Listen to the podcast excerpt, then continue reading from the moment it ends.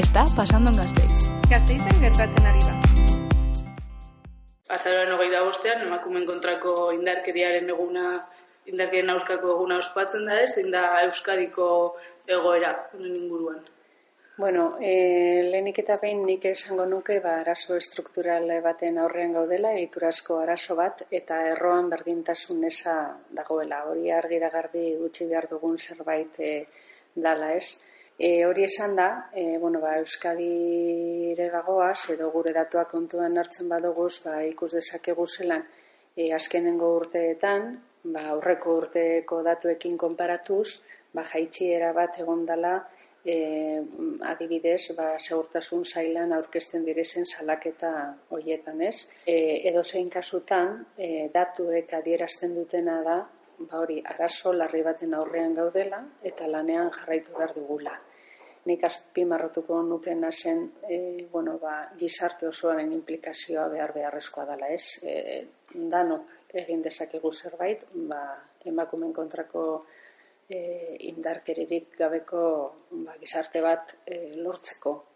Zan duzulen, aur, bueno, azkenengo datuak erakusten dutela, jaitsi dela salak eta edo hori zergatik izan daik.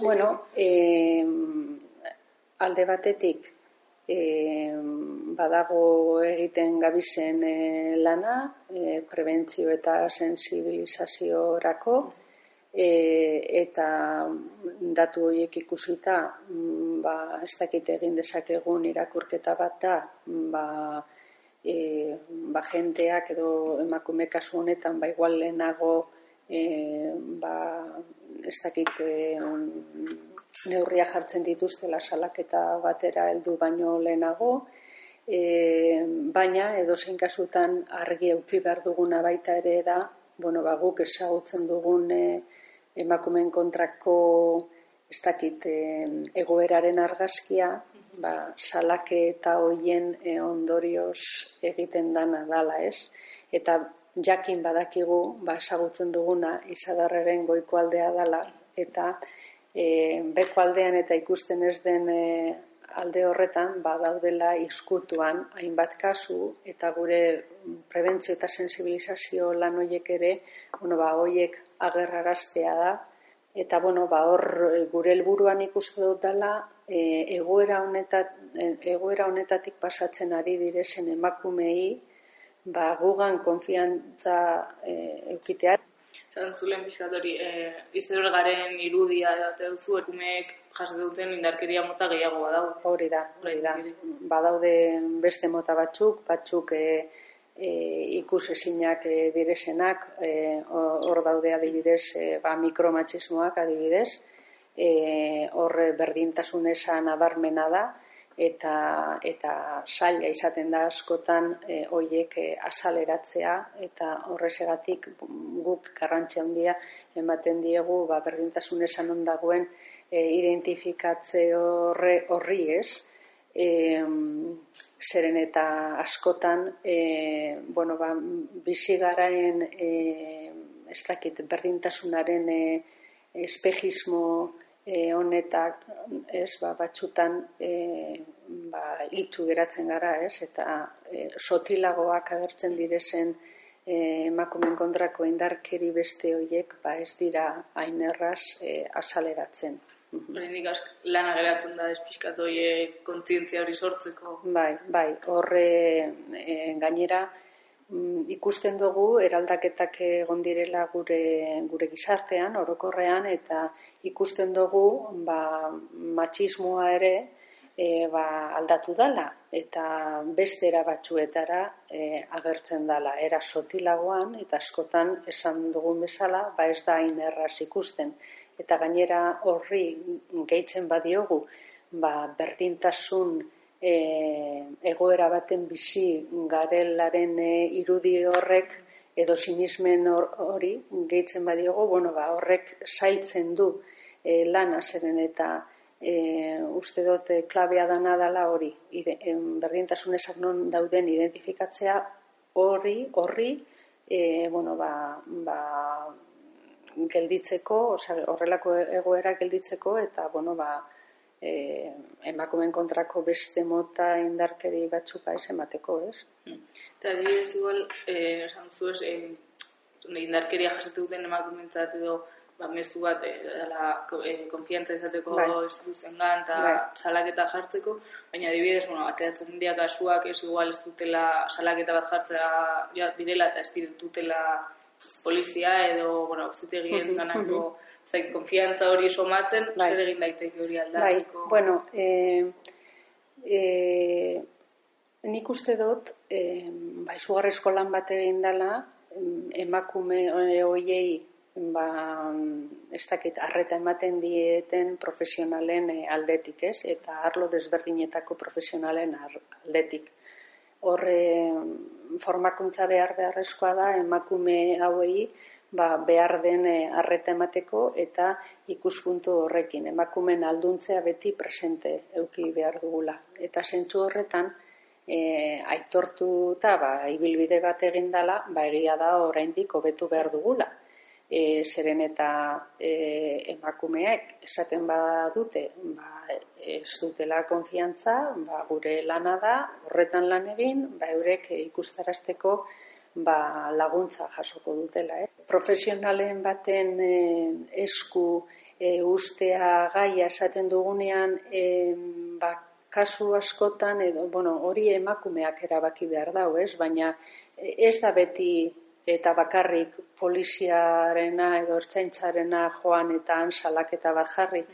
E, bueno, badaude, ba, udaletxetan, badaude emakume elkarte batzuk honetara dedikatzen direnak, eta oso importantea dala ikusten dugu, ba, gertatzen zaizun hori, e, kanporatzea eta bueno, ba, aditu baten e, bueno, ba, babesa edo aulkua eukitea e, eta segun zein da zure egoera pertsonala, bueno, ba, agian e, zure ba, ez dakit, autonomia ekonomikoa hori konponduta badeko zu, ba, agian e, zure kasureko irten bidea bat izango da, baina e, ba, ez badeko zun, e, ba, balia bideak ez badeko zen, ba, zure bizitza aurrera egiteko eta bat, ba, igual e, zurekin landu behar direzen e, gaiak beste batzuk dira, ez? Agian beste erakunde hauek egiten duten lana oraindik pixkat gehiago sagutza eman behar da. Bai, eta e, askotan, mm, bai, adibidez, emakume elkartetan e, e, dabizenak, e, eta hainbat programetan, e, ba, ikusten dana da igual beste, e, ekintza batzuen bitartez, ba, e, e, eta beste horrelako ekintza batzuek eginda beste emakume batzuekin, ba, batzutan horrelako e, izkutuan dauden egoera kasaleratzen e, direzela. Horrezegatik e, guk beti garran, izugarrezko garrantzi eman digu emakumen elkartei eta horre egiten den e, lanari ez, emakumen alduntzearen e, aldekoa den einean zentzu horretan, ba, inguruko ere, ingurukoen e, babes hori, e, uste dut funtzeskoa dela, ba, arazo hau e, maiganean jarri alizateko, ez? Eta gaiari buruz, ba, berba egiteko. Ja, eskatukatzen jateko, e, egun hauetan adieraztu ugari egoten ari dira, ez? Nolako inarkeria gaitze, gaitze eta bar, baina ere oraindik falta o, sumatzen da pixkat ez dela urgentzia punturik, ez? Ez beti da, bigarren mailako gai bat bezala, edo, zer beharko litzateko hori aldatzeko, eta bai. lehenengo mailako bai. ardura izateko. En duela mabost urte, hau gai pribatua san, e, ez estatistikarik, e, jendartea esan implikatzen, e, horrelako konzentrazioak eta deialdiak egiten zirenean, e, orain, sorionez, beste momentu baten gaude, bueno, sorionez ez, atxetek izugarrezko lana egindalako. E, mugimendu feministak, hainbat erakunde, emakumen elkarteak, instituzioetatik, bueno, bain bat e, sensibilizazio lanak egin dira, ba, jentearen konsientziazio eta sensibilizazio aldatzen joateko. Baina esan duzun bezala, oraindik e, bidea geratzen jaku eta nik bai uste dut e, ba gure konsientziazio eta sensibilizazioa handiagoa den neurrian, ba, hau, e, ba, arazo larri bat bezala, e, ba, tratatzen edo tratatuko dugula, ez? Giza eskubideen e, urraketa e, bat bezala, eta e, horrezegatik e, esaten dugu, ba, gizarte osoaren implikazioa behar beharrezkoa dela, eta mm, horrek e, lortuko dauena da, bueno, ba, presio bat e, egitea, e, bueno, ba, gaiari behar duen e, garrantzia emateko, ez, ezin dugu astu, ba, estatistikak e, jasotzen direzenetik, ba, sortzi reun emakume baino gehiago e, erail direla, ez?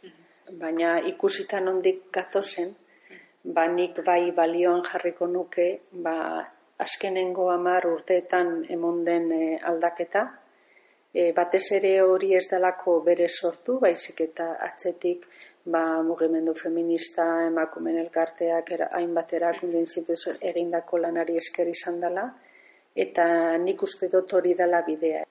Ba, eskerrik asko, vale, Está pasando en Gasteiz. Gasteizen gertatzen ari da.